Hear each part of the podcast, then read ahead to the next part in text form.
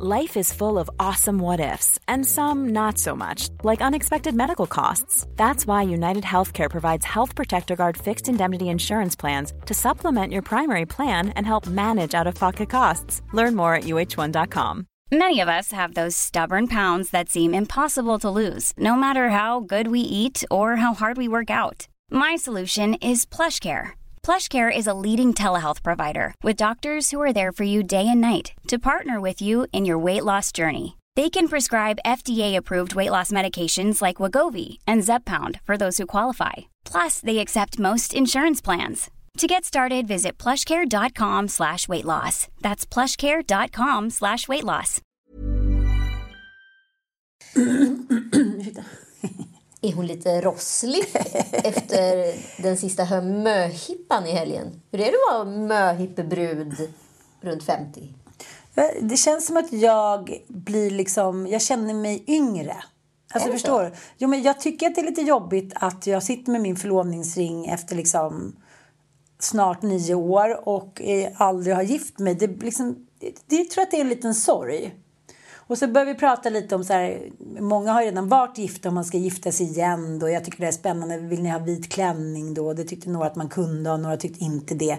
Och några ville då ha mindre bröllop om de skulle gifta sig igen. Och någon annan bara så här, jag fläskar på.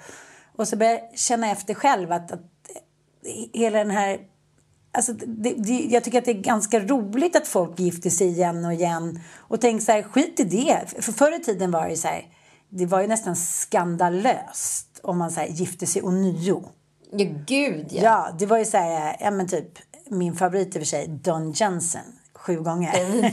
så kär. Så kär ja, i men, livet. Och jag var så här, gud, hur orkar man ens liksom skilja sig mer än en gång? Men så kan jag känna så här, eftersom det inte är ett heligt fundament längre för icke-kristna så kan man väl lika gärna det som en 30-årsfest egentligen.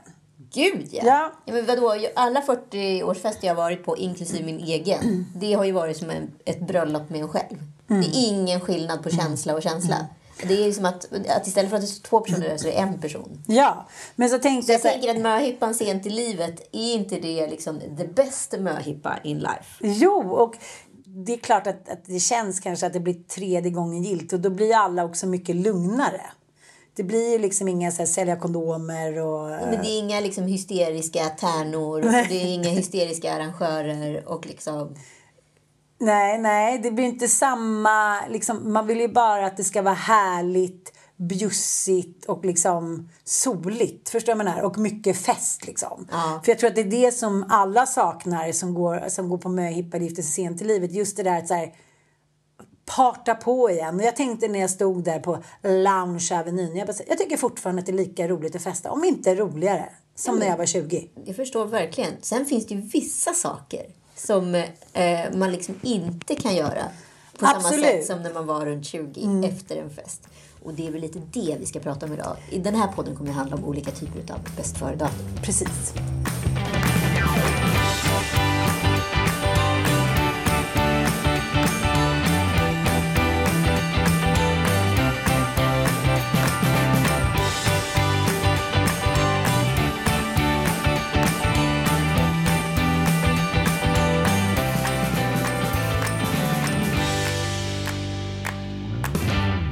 Har ju ett problem med att sova dag innan jag ska någonstans. Mm, det känner jag igen mig i. Ja, och jag tror att det bottnar i att det har ju några gånger hänt. En gång när jag skulle eh, på eh, företagsresa till New York. Vi skulle vara borta tio dagar.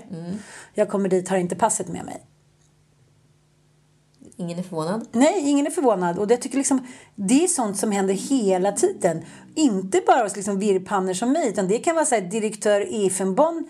Alltså det här med passet, det är någonting som vi svenskar tror att någon annan ska ordna åt oss. Efenbon? det är min kompis. Att det finns vissa så här bäst före-datum som människor vägrar acceptera. Och passen är ju nästan det så här, the holy grail av så här, va? Vad då hade det gått ut? Men det är väl bara att fixa nytt. Alltså, Det är liksom, jag vet inte vad det är. Nej. Kan, kan du ge mig någon analys? Att det är så här, att i Sverige har det aldrig funnits några köer. Man har haft sitt pass i tio år och man har vet... Jag blev väldigt glad över Peter Wolodarskis krönika i helgen DN om just eh, att det här är inte bara liksom ett haveri från liksom Arlanda, Swedavia och passmyndigheten. Det här är liksom ett haveri för demokratin. För att vi i Sverige har liksom alltid haft en access utåt. I USA är det ju bara 50% tror jag av befolkningen som har, ens äger ett pass. Jaha. Ja, för att de liksom lämnar inte USA. Men du dig liksom Nej, inte i. Oklahoma. Nej, Homa, nej, Då kanske nej. man i bästa fall har kommit till Kalifornien någon gång. Liksom. Men de har inte haft något intresse av att resa utom socknes. De tror ju dessutom att Europa, många av dem är ett och samma land. Eh, vilket man kan tro. Man kanske bor i USA och har massa stater. Ja, visst. Och när man tror att allting är liksom... Jorden skapades där och Gud kommer därifrån. Ja, inte så mycket mer än så. Den kom ju för, från Salt Lake City så vi behöver inte prata mer om det. Nej, men jag tror att vi är så jävla bortskämda och det handlar väldigt mycket också om att vi har levt under så många hundra år i fredstid så det är ingen som inte vill ha oss. Nej. Alla har alltid velat ha oss. Ja. Alla har alltid gillat oss. Liksom. Var vi än kommer så är det så här, det är dummer svede, och i och för sig å ena sidan, men också så här pålitliga, liksom trygga, ja, men, lite som, vi är liksom världens norrlänningar. Ja. Vi kommer dit och det är klart vi ska anställa oss. Det är inte ens titta på de där du har gjort innan utan det är bara att ta en väldigt pålitlig svensk. jag är Men- bra på dialekter. var riktigt bra. Duktig sa. Något mer du vill höra? Oj! Nej, men nu tror jag att ditt bäst före-datum var passerat när det kommer till imitationsrevy.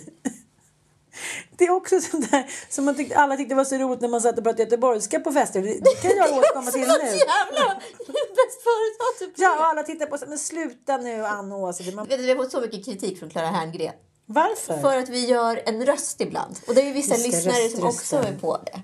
Okej. Jag tycker att rösten är kul. Jag tycker också att rösten är jättekul. Rösten gör ju ändå, Röst- sätter ju, försätter ju saker och ting i ett sammanhang där rösten bör vara.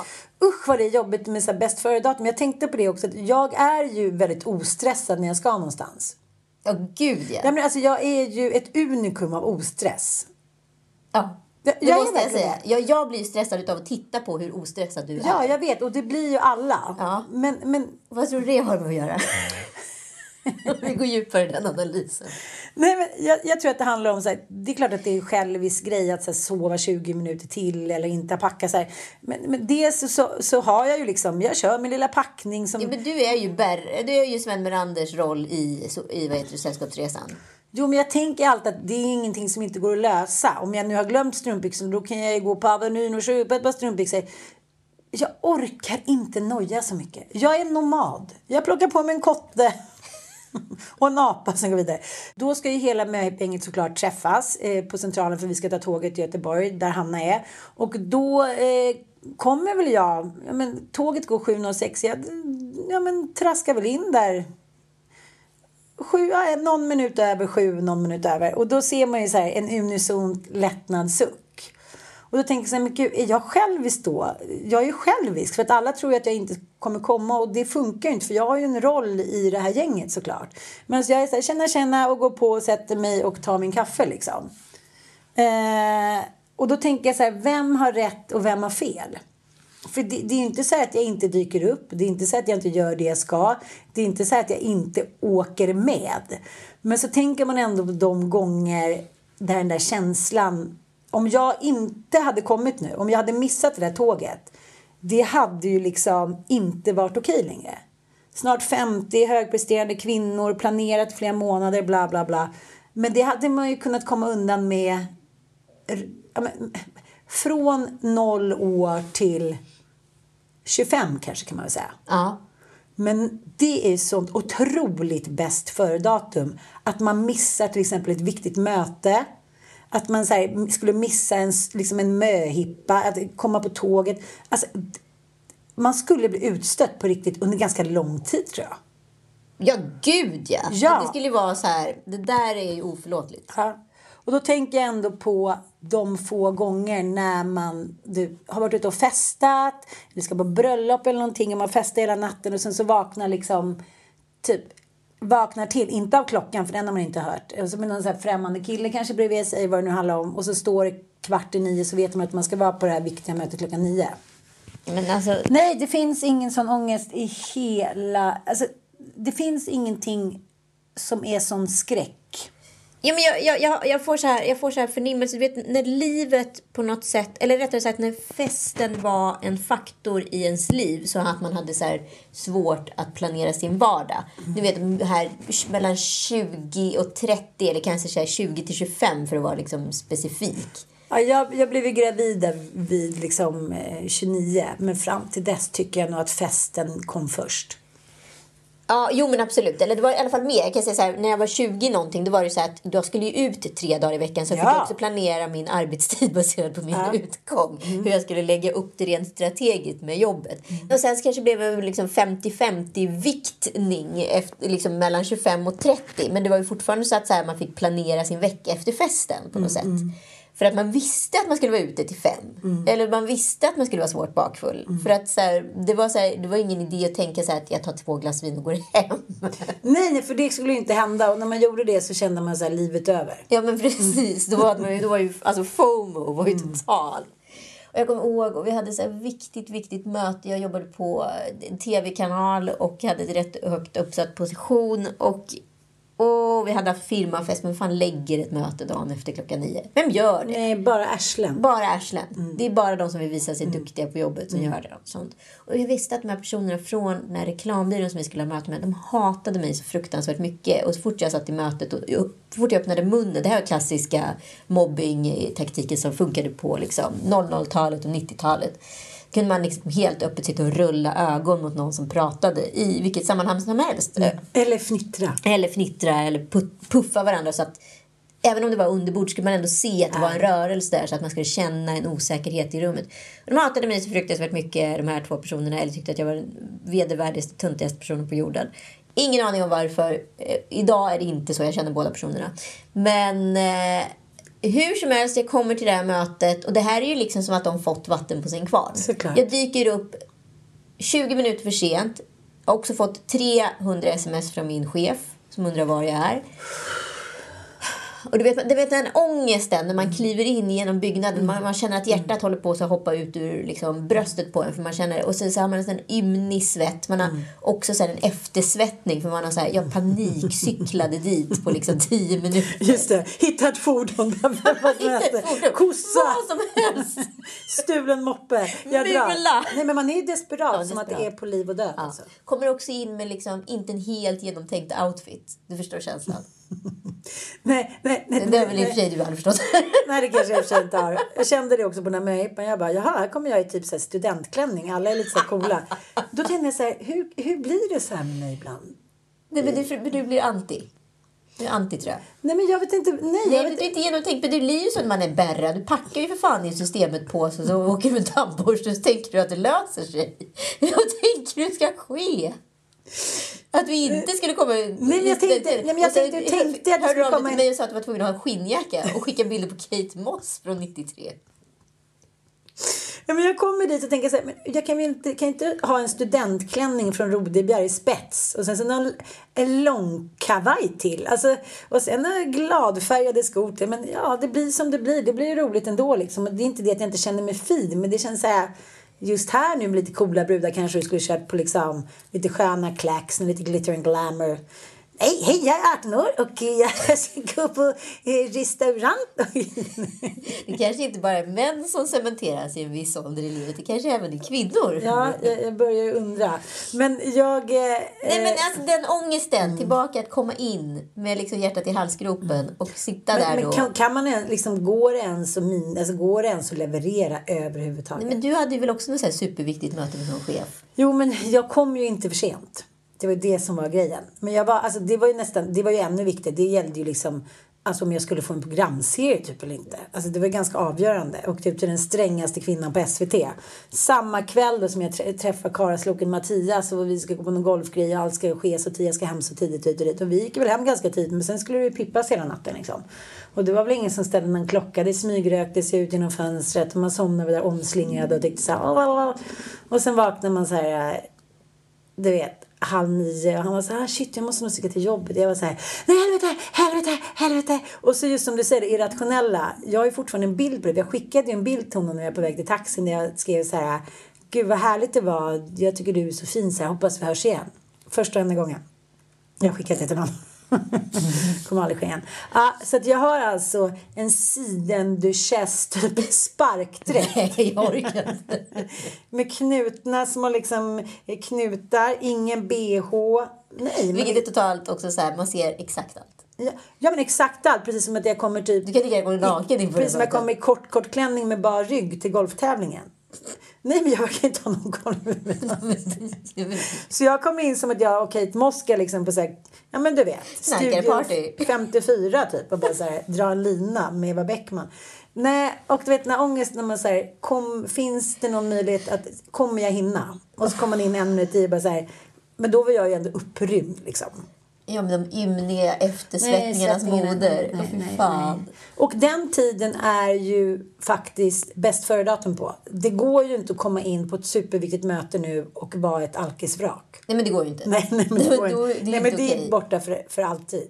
Ja, ja, ja. Alltså, så här, du, alltså plus 50, Mm. alltså, eller plus 40 så går det ju inte Det finns inga ursäkter. Mm. Men det är också så svårt. Jag kommer ihåg, jag skulle också vara med på någon så här morgon-tv och vi hade haft så här möhippa för en kompis och suttit uppe till halv fem. Men det kan väl hända liksom. Och så skulle jag vara med och så här baka tårta. Typ Nyhetsmorgon. Och min kompis skulle vara med. Vi hade ju båda varit på den här festen. Och vi stank ju liksom. Och jag såg ju på alla så här, du kommer inte till den här kanalen. Och jag fick ju inte en bokning där på typ Repetår. Jag menar. Så att det är liksom, nej, man kan inte tro att man kan liksom bete sig som man är 20 resten av sitt liv. Och det är ju en sorg i sig tycker jag. Ja, både och skulle jag vilja säga. För fan, jag hade verkligen haft panik om jag hade varit mitt röriga, förvirrade, partyglada, liksom 20 Mm. plus eh, person hela tiden. Fast då orkade man ju. Men vet du, nu har jag ändå haft ett 20 plus-liv här. För jag kom ju på efter Hydra att grejen med att gå ut och vara ute sent, vet du vad som är, vad, vad som är receptet på det? Det är ju att dansa. Du dansar ut all alkohol. Du kommer hem och du är ju inte bakis dagen efter. Man tänkte så här, men hur, stod, hur kunde man klara det i tonåren? Det vi gör, vi sitter bara och krökar och så är man svinbakis. Så nu har jag varit ute två gånger och dansat fast, och kommit hem runt fem snåret. Liksom. Då är man ju trött, men, Men- man är ju inte ett vrak. Nej, men du vaknar liksom 11, men då, sen är det ju bra. Det är inte mer med det. Du är ju, du är ju stabil dagen efter. Nej men jag bara, jag, liksom, jag tycker också att det är så fascinerande för jag tycker att det är kul att gå på klubb men så tittar jag runt omkring mig så tänker jag på allvar att ingen är över 20. Nej, men det är ju inte så. Alltså, Och sen när jag var ute sist, det var ju liksom Filip Lamprecht ute och hängde. Liksom, jag bara så här, men, Ja, men de är mellan han- 20 och 25. Ja, men jag, så här, jag bara kände hela tiden så här, hänger han med liksom mormor nu? Är han så här ute med Mm. mig och hänger med mormor? Men jag ser, man, man ser också att de ser, så här, de ser lite glada ut. Så här, vad kul att tanter är... Ja, du vet. Den känslan! Ja, men jag tycker det där var så himla roligt. Men så läste jag en, en krönika som gjorde mig så himla nedstämd. Den handlade om att liksom ingen längre eh, slåss mot liksom, vad ska man säga, den fördummande kapitalismen. Liksom. Även de journalister och liksom, vad ska jag säga, människor som har varit liksom lite röda och tyckt jag ska inte göra reklam, jag ska inte det. Alla gör det nu för att så här, varför ska jag sitta och liksom jobba extra på ICA när jag kan göra ett inlägg för vad det nu handlar om. Och det gäller ju verkligen kreddiga författare, kreddiga poddar, kreddiga allt liksom. Och så var det så roligt att prata lite om liksom 90-talet och början av 2000-talet. Det var ju en väldigt stark ungdomskult och vurm. Den påminner väldigt mycket om 50-talets kärlek för ungdomar. Liksom. Helt plötsligt så tyckte liksom en hel värld att nu är det ungdomarna som ska ta över. Ungdomarna är balla, ungdomarna är smarta, de är vår framtid. Innan så hade det inte varit så. Då hade det varit så att vänta på din lilletur. Och jag tänker på tidningen Darling och jag tänkte på Expressen Fredag. Och då stod det ju så här, ja men till exempel Jonna Berg, snart 21. Alltså alla gubbar förstod så här, nu är någonting som håller på att hända. Nu tar vi in brudarna och killarna, men de måste vara skitunga och framstå som skitsmarta liksom. Och det var så punkigt och så mycket galenskap och liksom, jag kommer ihåg hur man hittade på jobb som man själv ville göra för att få festa. Och sen så var cheferna så här, jaha, Ja, ni ska åka till Åre och göra som en video från Åre. Ja, ja, åk då. För att man ska kunna fixa sponsor, så du vet. Och så tänker jag så här när jag ser mina ungdomar. De är ju för fan kristdemokrater allihopa. Nej, de är så jävla ordentliga och de pluggar och de yogar och jag är så här. kommer hem liksom Nej, det efter finns, dem. Det, det finns ingen punkt. Nej. It's fucking Nej, så, over. jag blev så jävla glad. Jag var ute och sprang nu i morse innan du kom och så sprang jag förbi en, någon sån här poster för någon, någon spelning. Så hette de så här eh, Incest Brothers. Och då tänkte jag så här, här är mest punk jag har hört på länge. Jag blev så jävla lycklig över bandnamnet.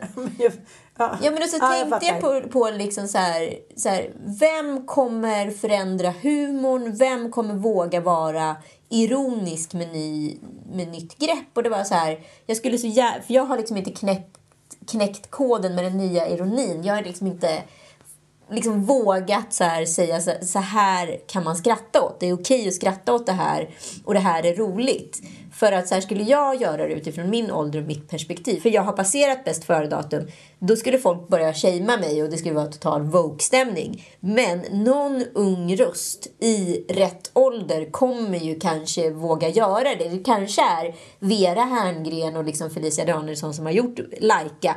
Men någon kommer stå för den nya liksom, eh, ironiska generationen eller vad vi ska kalla det.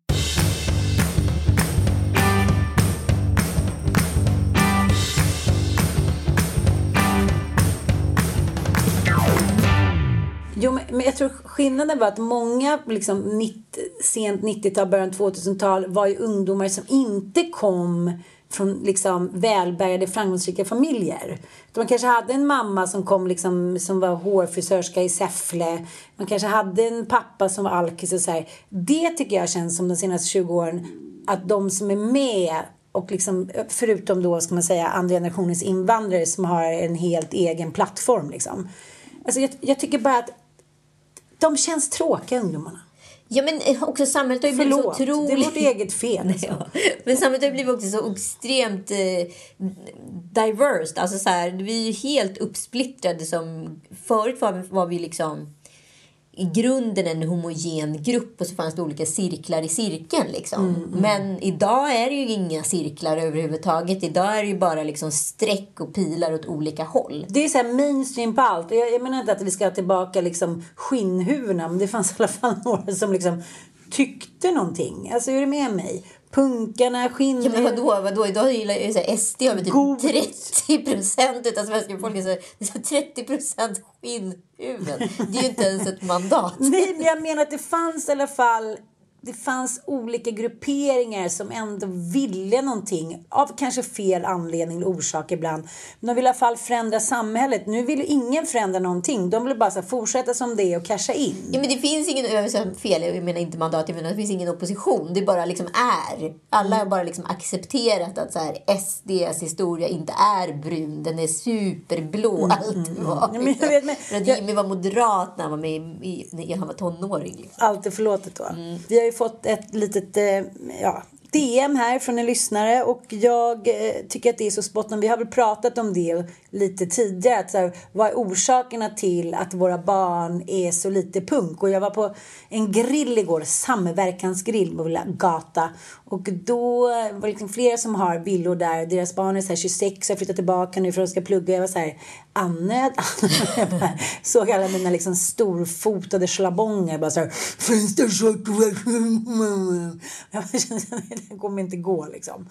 Och just det att jag sa, men vi ska åka till Mallis och alla ska ju följa med. Men jag känner så här, måste alla följa med? Varför då? Nej, och då, då, då började vi prata om det här att då sa en tjej som bor granne med mig, hon sa så här, men fan efter jag gick ut nian, det var inte så att jag åkte med mamma och pappa på semester. Det var ju liksom Alltså, min pappa fick muta mig med 4 000 spänn för att jag skulle följa med till Tyskland. Mentalt var det klart efter nionde klass. Då var, så här, då var mamma och pappa en gubbe och en tant. Ja! Nej, men de älskar ju att hänga med en. De tycker ju liksom att så här, men mina barn kan inte ens ta ett beslut utan mig. Jag säger, men vad fan?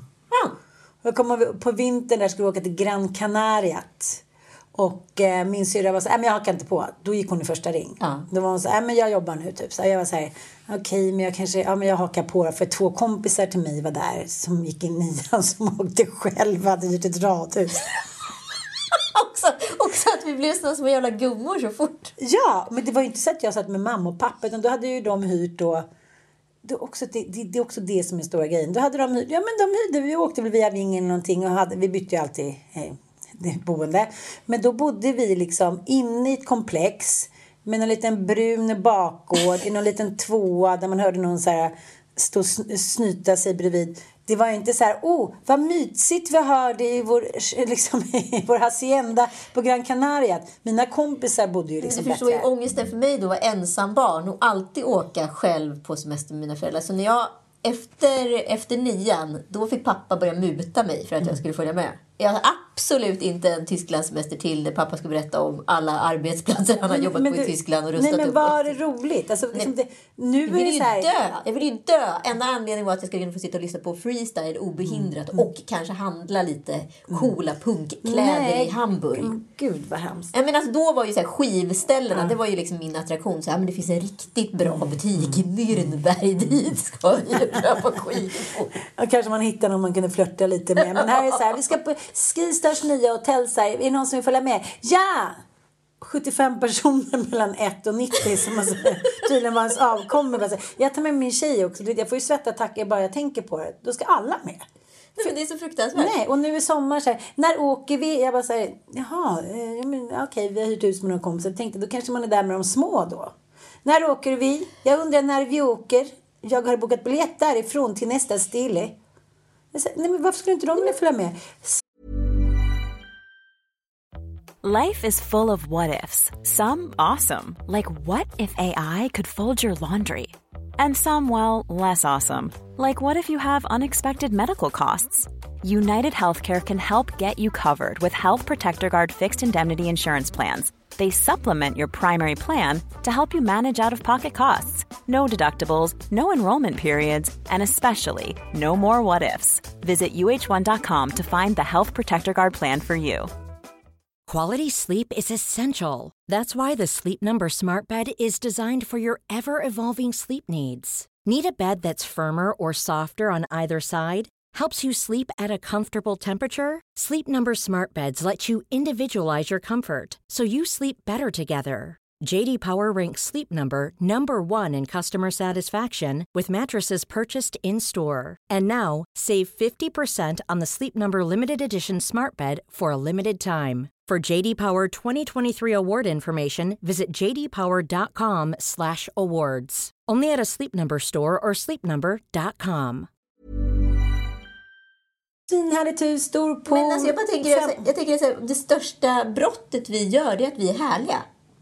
Fy fan. Alltså, Läs upp det där nu, jag tyckte det var så spännande. det är så otroligt problematiskt att vi är så härliga. För våra föräldrar måste ju uppenbarligen vara rätt ohärliga och gamla. Men jag tror mer att det handlar om... Så här, Det är den här jävla generations Mamma och pappa dansade just maj. Jag tyckte ju mamma var råhärlig och pappa var väl också kul. Men pappa blev lite förpackad ofta och liksom... Jag och min syrra drog väl iväg på något disco så kom han efter så här. Guten Tag, wer ist meine Tote? Man bara, nej men Fast vi har ju redan varit på det i podden för att eh, grejen är att vi upplever oss själva som 20 någonting fortfarande vilket totalt har gjort att vi är generationsschizofrena. Alltså, Vi är polare med våra barn, Vi är alltså. polare med våra barn. Vår värsta grej. Att vi inte... Vi- Vi, lovade ju oss att vi aldrig skulle bli det. Vi har huggit av dem deras liksom revolutionsarmar. Det är fruktansvärt. Nu ska jag läsa upp det här brevet. Ja, jag tyckte det var spännande. tycker det var så intressant när ni för några avsnitt pratade om de som har så nära kontakt med sina barn. Att ursprungsfamiljen umgås hela tiden, att det är svårt för dem att hitta egna relationer. Prata gärna mer om det. Jag kan störas och förundras över de som fortfarande bor hemma när man är över 22 typ. Firar semester ihop, jobbar ihop och även deras barn som hyllar sina föräldrar så mycket. De som ringer och träffar föräldrarna hela tiden. Tycker det är lite konstigt. Vill man inte skaffa egna vänner och umgås med dem man själv valt? Prata gärna om folk som inte har barn, särskilt kvinnor. De kan bli självupptagna och lever kvar i det förflutna. Andra ämnen som jag tycker ni ska prata om.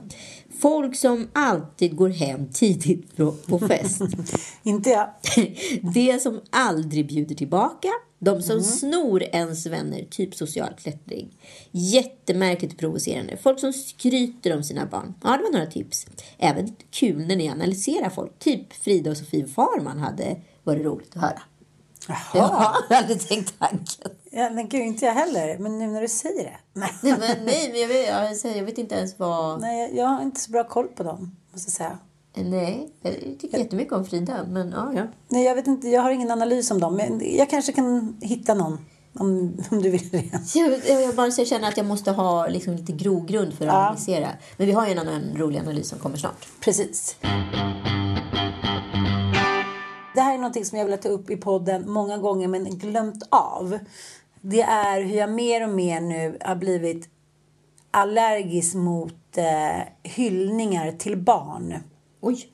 Ja, men på eh, sociala medier. Och ska jag säga som att skriva en drapa till Tom Allan i helgen? Jo, jag vet och jag har ju också varit inne på det. Men sen så har jag liksom sett det där med nya ögon. Att när man är liksom nio år och får då av sin mamma eller pappa så här, du är min bästa vän, du har lärt mig allt jag kan, jag kan inte leva utan dig. Du är så vacker, du är smartast jag har varit med om, du bla bla bla. Och så läser man det Alltså småpåvar är vi allihopa. Det blir så här bara nya Michael Jacksons.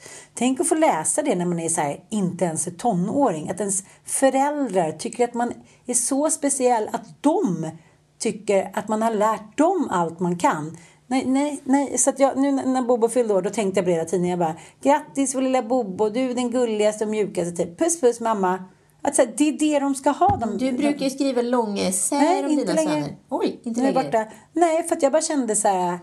Nej, men varför ska de, ska de känna någon press då från att de är åtta år gamla? Att de är någon så här Om underbarn? de hamnar i ICAn på kassan så kände de ändå att de var ett underbarn så det gick åt helvete för. Jo, men det är kanske också därför de Rub it in, hamnar jag. i ICA-kassan. För att de trodde att de var så jävla perfekta, så var de inte det. Men är Och tråkigt att? ICA-kassan är så här måttet för att misslyckas. Det är väl absolut Nej, inte. men det var ju du som sa. Men, men jag, jag, tycker att det, är- liksom, jag, jag tycker att det är jobbigt, just den här kommentaren. Du är min bästa vän. Ja, den, det där, där sticker ut. Det, Ja, där det var en, en liksom ganska så här, framgångsrik man som skrev om sin dotter då som fyllde 11 år. Så här. Säg vem. Nej, men det är en ganska så här, profilerad kille som eh, har ett barn. Och, eh, och jag bara kände varje gång jag läste hans inlägg, jag var så här, nej men hon... Om unga tjejer mår psykiskt dåligt så är det här en förklaring. Du är min allra bästa vän, du har lärt mig så mycket, du är min prinsessa, jag skulle aldrig kunna leva utan det, bla bla bla bla bla bla bla. Man bara så här, hur ska man ta emot det? För mig var det lite så här, när man fyllde år så här, grattis Hansson Pansen, typ. Ja, men det var ju knappt vi älskar dig, för det sa man ju inte på 80 och 90-talet. Men, men det kände jag ju verkligen att de gjorde. Men det var ju liksom, jag vet inte, när jag tog studenten, jag var uppe, jag och Lillås var uppe och spydde på toaletten, vi kom ner med liksom lite mascara, köris. Han skålade väl och farmor satt där liksom. Kan ni köra hem till Katrineholm nu? Det var väl inget mer med det. Nej. Det var väl det liksom, man var barn och de var vuxna. Ja. Och däremellan skulle ingenting Alltså det var beblandas. en ätterstupa däremellan. Det fanns liksom ingenting. Jag vet ju idag att jag kommer förmodligen vara eh, ha lika roligt som min dotter på hennes studentskiva. Ja. Men, För en studentskiva för några år sedan till min kompis barn. Då blev mamma så full. just det. Vi be om ursäkt efter. Den. Så att mamma, mamma kräktes och däckade. Fick åka tillbaka dagen efter och städa. Då kände det var ju, Det- det var ju ett bäst före datum. passerat bäst före datum. Med råge. Med råge. Men jag tänker att man ändå, så de grejerna som man kunde göra då, som man kunde liksom, saker och ting kunde bli liksom galet av, det kan man ju inte göra på det sättet längre. Man kan inte utsätta sig för det. Nej, nej, nej. Så att jag tror faktiskt att liksom vi som är ansvariga för våra barns framtid ganska liksom, ja, det är vi ju på ett sätt även om det känns jobbigt att säga.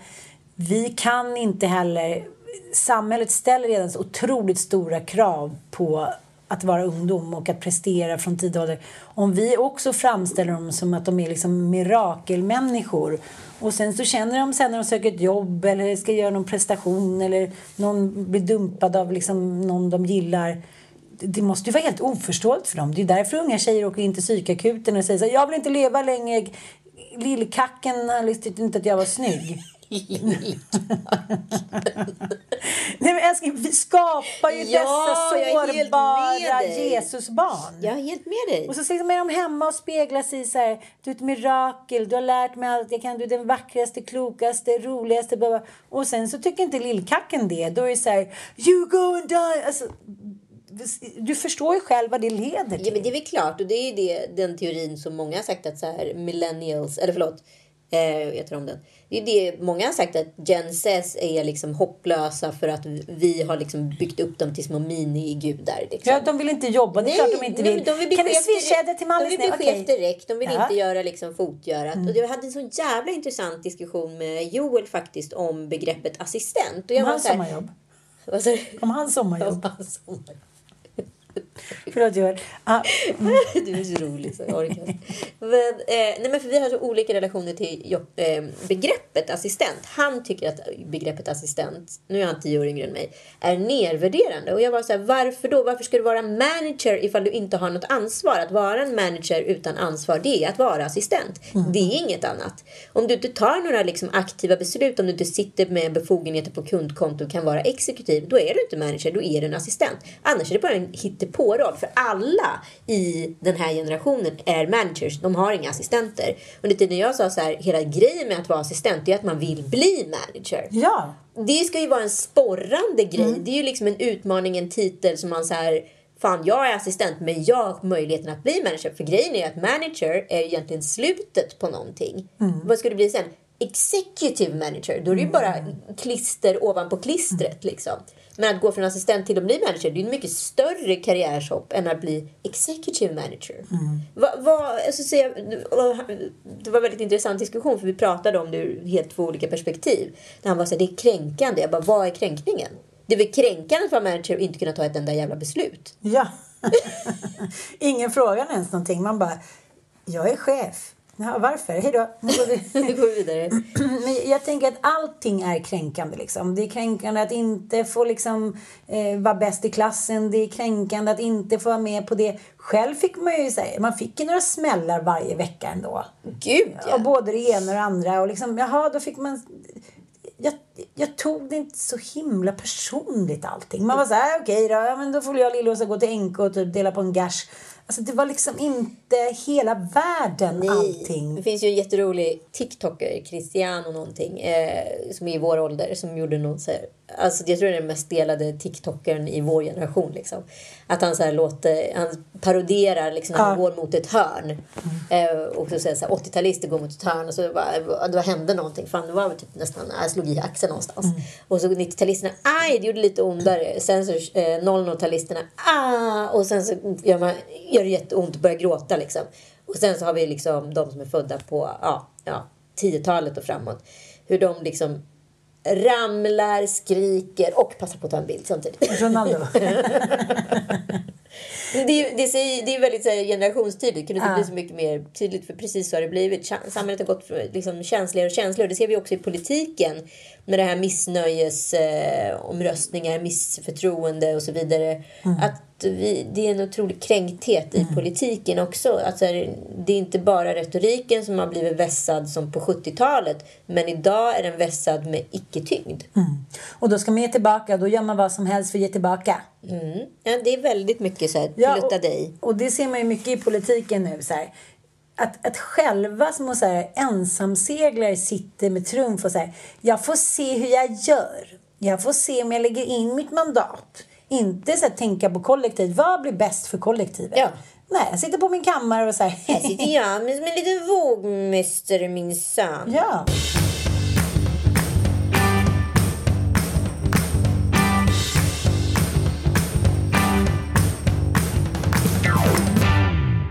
Välkomna partiledarna. Per Bolund, Miljöpartiet. Jimmy Åkesson, Sverigedemokraterna. Ebba Busch, Kristdemokraterna. Magdalena Andersson, Socialdemokraterna. Ulf Kristersson, Moderaterna. Annie Lööf, Centerpartiet. Nooshi Dadgostar, Vänsterpartiet. Vi ska ju faktiskt ha en valspecial här lilla Ja. lördag. Det, var en av våra mest lyssnade poddar när vi sände den till valet förra gången. Och vi kommer kalla in eh, Per Granqvist igen från eh, VVV, vad vi vet, media. Och eh, vi kommer köra nu en innan sommaren som är liksom mer fördjupning så här. Hur funkar det podden? Hur funkar det? Hur ser det ut med regioner, landsting och kommuner och, och vad heter det, staten och riksdagen? Ja, hur, funkar allting? Jag läste nämligen min dotters eh, demokratiprov nu i fyran och inser att så här, det är nog rätt många som faktiskt inte har koll på de här grundläggande grejerna. Vem bestämmer vad och så vidare. Behövs det här? Och hur, hur kan man effektivisera alltihopa? Och eh, det som har skett är ju, och det hänger ihop med sociala medier också, att vi tror ju liksom att en partiledare är hela partiet. Det är ju en arbetsledare precis som ett företag. Alltså så här, Bill Gates är inte liksom, eh, Microsoft. Nej. Men vi tror att han är det. Även när han inte jobbar där längre. Exakt. Så att så här, vi måste ju ta fokus från att se att partiledaren är partiet till att faktiskt se vad partiet står för. Och det är den fördjupningen vi kommer försöka göra i den här podden. Så att alla som vill rösta i Sverige, svenska valet ska göra det med relevans och inte med liksom en populär populistisk åsikt. Ja, eller kryss 1, 2, kryss, kryss. Ja. Därför att det är anledningen till att det ser ut som det gör idag, det är för att man inte har förstått från egentligen alla de gamla partiernas sida att tar man hit Mellanöstern så blir Sverige mer som Mellanöstern om man ska hårdra det. Och det är det som har hänt. Det vill säga att de människor som lever i de här, det vi kallar för utanförskapsområden, de upplever inte själva att de lever i utanförskap, utan de lever ju i ett innanförskap i sin kontext, i sitt parallellsamhälle. Det vill säga att Sverige har splittrats, Sverige har segregerats, till följd av en ansvarslös invandringspolitik. Och nu måste vi på allvar börja ställa krav och bygga upp det här landet igen kring det svenska sättet att leva, kring svenska värderingar, kring svenska normer. Per Bolund. Nej, men och Jimmy Åkesson pratade då om integrationspolitiken och såg att det var mycket problem med just eh, att det blir små kollektiv då, att just iranier kanske hänger med iranier och, och så vidare. Liksom att man då inte integreras på grund av det sättet. Och här tycker jag han går bet på någonting i hela integrationssystemet. Det som är relevant i det han säger är att, att man kanske då hellre går på bidrag istället för att komma ut och integreras i samhället för att så ser bidragssystemet ut i Sverige. Vi har liksom gjort det möjligt att man, det är bättre att vara hemma. Man tjänar 32 000 på att gå på bidrag om man har sex barn istället för att komma ut på arbetsmarknaden för där tjänar man 26. Jag skulle ha det så göttigt. Herregud. Mm. Men så tänker jag liksom på motsvarigheten då om man kollar på alla liksom liksom, människor som flyttar utomlands. Ja, men om du flyttar utomlands som svensk då kommer du söka upp andra svenskar och umgås med dem primärt. Ja. Och liksom, sen kommer integreringen ske via en arbetsplats och så vidare. Men det betyder ju inte nödvändigtvis att att du kommer integreras på ett sätt som att du sen kommer byta gäng. Och här är ju liksom en stor liksom misstolkning utav hela den. Säg någon USA hemmafru som inte umgås med andra svenskar. Nej, men det, det spelar ingen roll. Jag har kompisar som bor i Kina och jag har kompisar som har flyttat hit från Skåne. Och jag säger till henne chockat varje gång liksom, hon ska på någon middag eller något. Det är bara skåningar där. Ja. Jag var så här, men gud, det är inte så att du har flyttat liksom till eh, Afrika. Du har ju flyttat till Stockholm.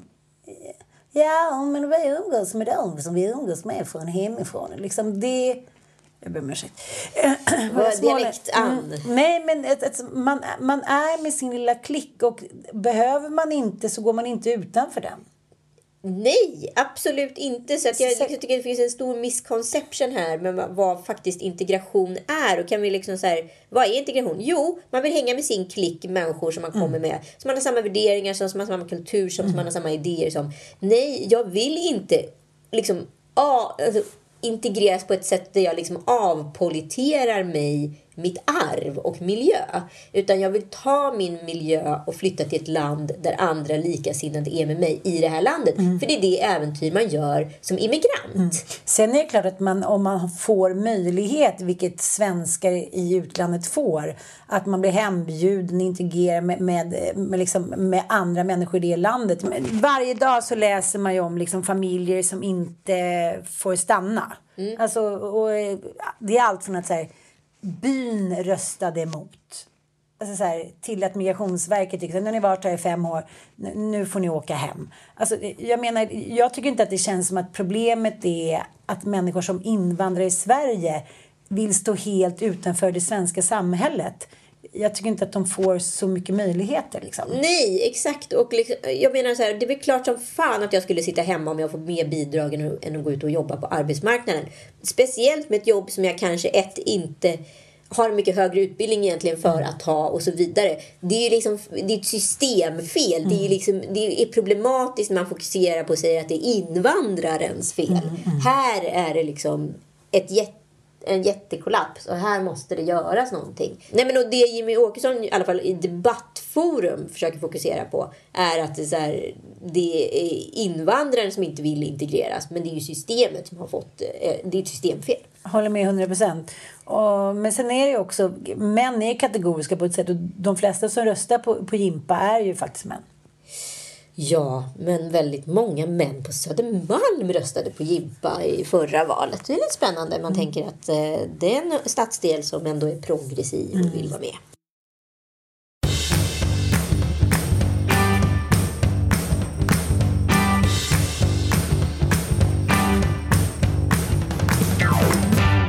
men sen har det ändå varit lite spännande den här helgen. Jag tycker också nästan det är bäst före datum på det här med stor risk för att låta som Mark Levengood. Men eh, den här diskussionen mellan liksom Läckberg och Sigge Eklund. Det, det är ju, jag vet inte. Jag vet inte vad jag ska säga. För att jag blir... jag är så här, det här är alltså två personer som är en absolut spegling av varandras åsikter bara på varsin sida Atlanten. Okej, jag har inte lyssnat på podden men så det briefar mig lite. Det som jag tycker är fascinerande är att Camilla Läckberg, eh, som ofta uttalar sig, det tycker jag man får göra. Hon ska verkligen använda sin stora plattform. Men nu är ju liksom nu är ju Amber Heard dömd då för förtal och det kan ju inte vi göra någonting åt. Men det vi inte vet, ingen av oss har en aning om vad som hänt. Vi kan se att båda har varit våldsamma, båda har liksom haft problem med, med aggressioner, alkohol, droger, bla bla bla bla. Men, men eh, jag tycker det är så konstigt att, att när man har så stora plattformar att man blir så förvånad när man blir kritiserad. Ja, men det är jättemärkligt. Men, men, och jag tycker liksom att så här, det är märkligt att hon använder sin plattform på det sättet att gå ut och vara tvärsäker. Ja. I, I en situation där man absolut inte kan vara tvärsäker. Och vi alla som har liksom, en relation till Johnny Depp genom hans filmhistoria. Vi som har vuxit upp för allt från Cry Baby, 21 Jump Street ända upp till liksom, eh, ja, Martin Scorsese-åren. Liksom, eh, har ju en, liksom, en djup och nära relation till Johnny Depp på något sätt. Liksom. Och han har också skapat med åren en persona. Det var ju en amerikansk eh, kritiker som sa igår att så här, men varför pratar han på det sättet? Det, det, så där pratar inte han Nej, förut. han satt ju liksom i, i, vad heter det, i rätten och pratade som han gör i choklad. Ja. Ja. Lasse Hallström-filmen, låtsasfranska. Precis som när Madonna började prata British English. Ja. Man bara, nej. You're in character now. ja, du, jag tror att det är så här, men, men det som jag tycker har varit förödande i, i, allt det här är ju just det som har hänt. Att människor har fått sitta och tycka till, ha åsikter hit och dit. Så här, den skådespelar, den är hit och dit. Och det är det värsta som har hänt. Liksom både feministrörelsen, kvinnor som har råkat ut för liksom misshandel ekonomiskt bla bla bla. Det är det som jag tycker är det tragiska i hela den här grejen. Att, så här, att vi har fått sitta och tycka till. ja, alltså det här har ju Och varit då blir liksom det personligt medeltid. och det är därför båda de här aktörerna tar det personligt. Ja, och jag menar så här, Sigge Eklund är ju rätt känd för den selektiva feminismen. Man är emot liksom, kvinnor som Cissi Wallin etc. De vill man bränna på bål. Men, men sen så är man liksom för Amber Heard och sen är det liksom Camilla Läckberg egentligen mot Amber Heard och för Cissi Wallin. Alltså det är exakt, de är en hundraprocentig spegling av varandra och sen så blir någon sårad så blir man mobbad. Och, och så håller det på så där. Tillbaka till det här otroliga egorna, till det rättkränkta samhället och alltihopa där vi liksom har blivit en produkt utav våra förringade känslor. Alltså att vi inte längre är relevanta. Är inte det här liksom den största folksjukdomen vi kan se just Fast nu? det handlar ju bara om liksom jag vet inte, i, i det lilla livet så liksom är det ingen som hör i skrika i Norrland eller ingen som hör i föda heller eftersom det är 60 mil till förlossningen.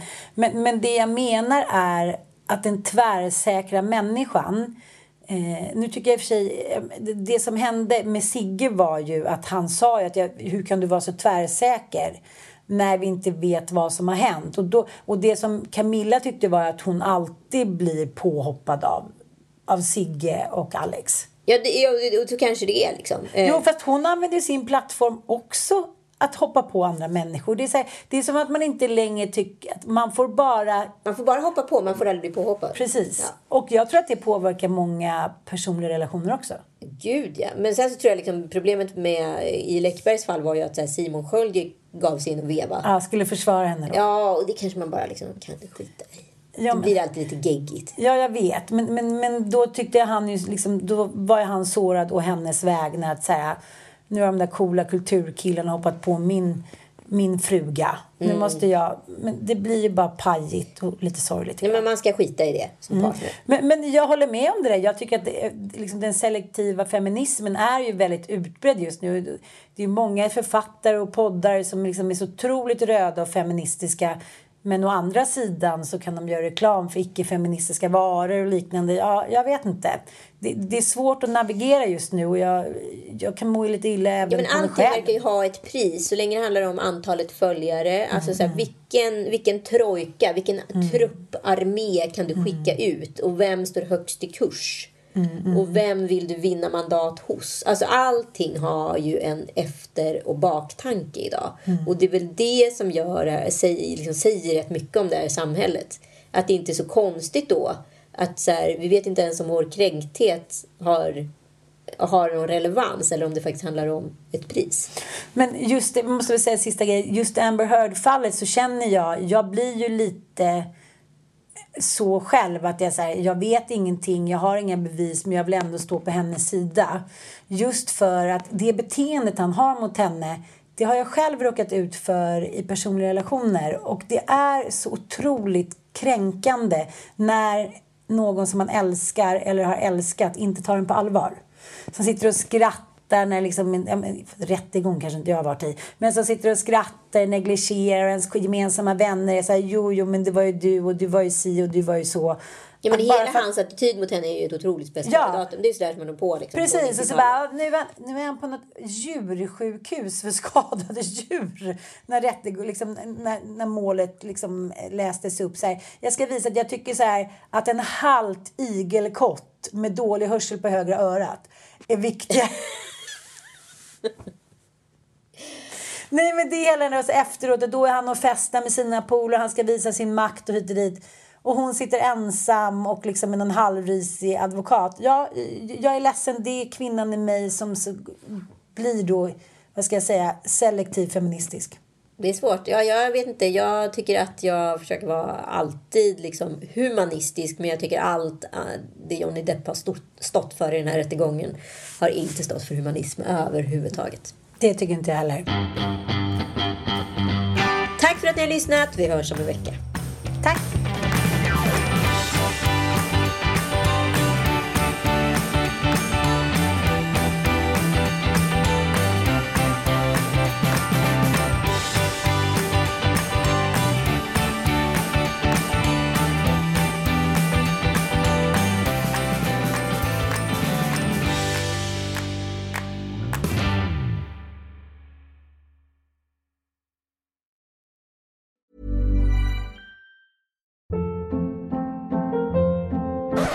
Up. What was that? Boring. No flavor. That was as bad as those leftovers you ate all week. Kiki Palmer here, and it's time to say hello to something fresh and guilt-free. Hello Fresh. Jazz up dinner with pecan-crusted chicken or garlic butter shrimp scampi. Now that's music to my mouth. Hello Fresh. Let's get this dinner party started. Discover all the delicious possibilities at hellofresh.com.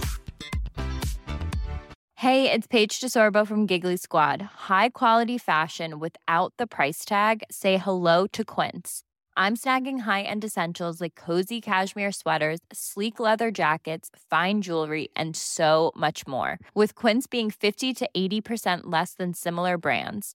And they partner with factories that prioritize safe, ethical, and responsible manufacturing. I love that. Luxury quality within reach. Go to quince.com slash style to get free shipping and 365 day returns on your next order. Quince.com slash style.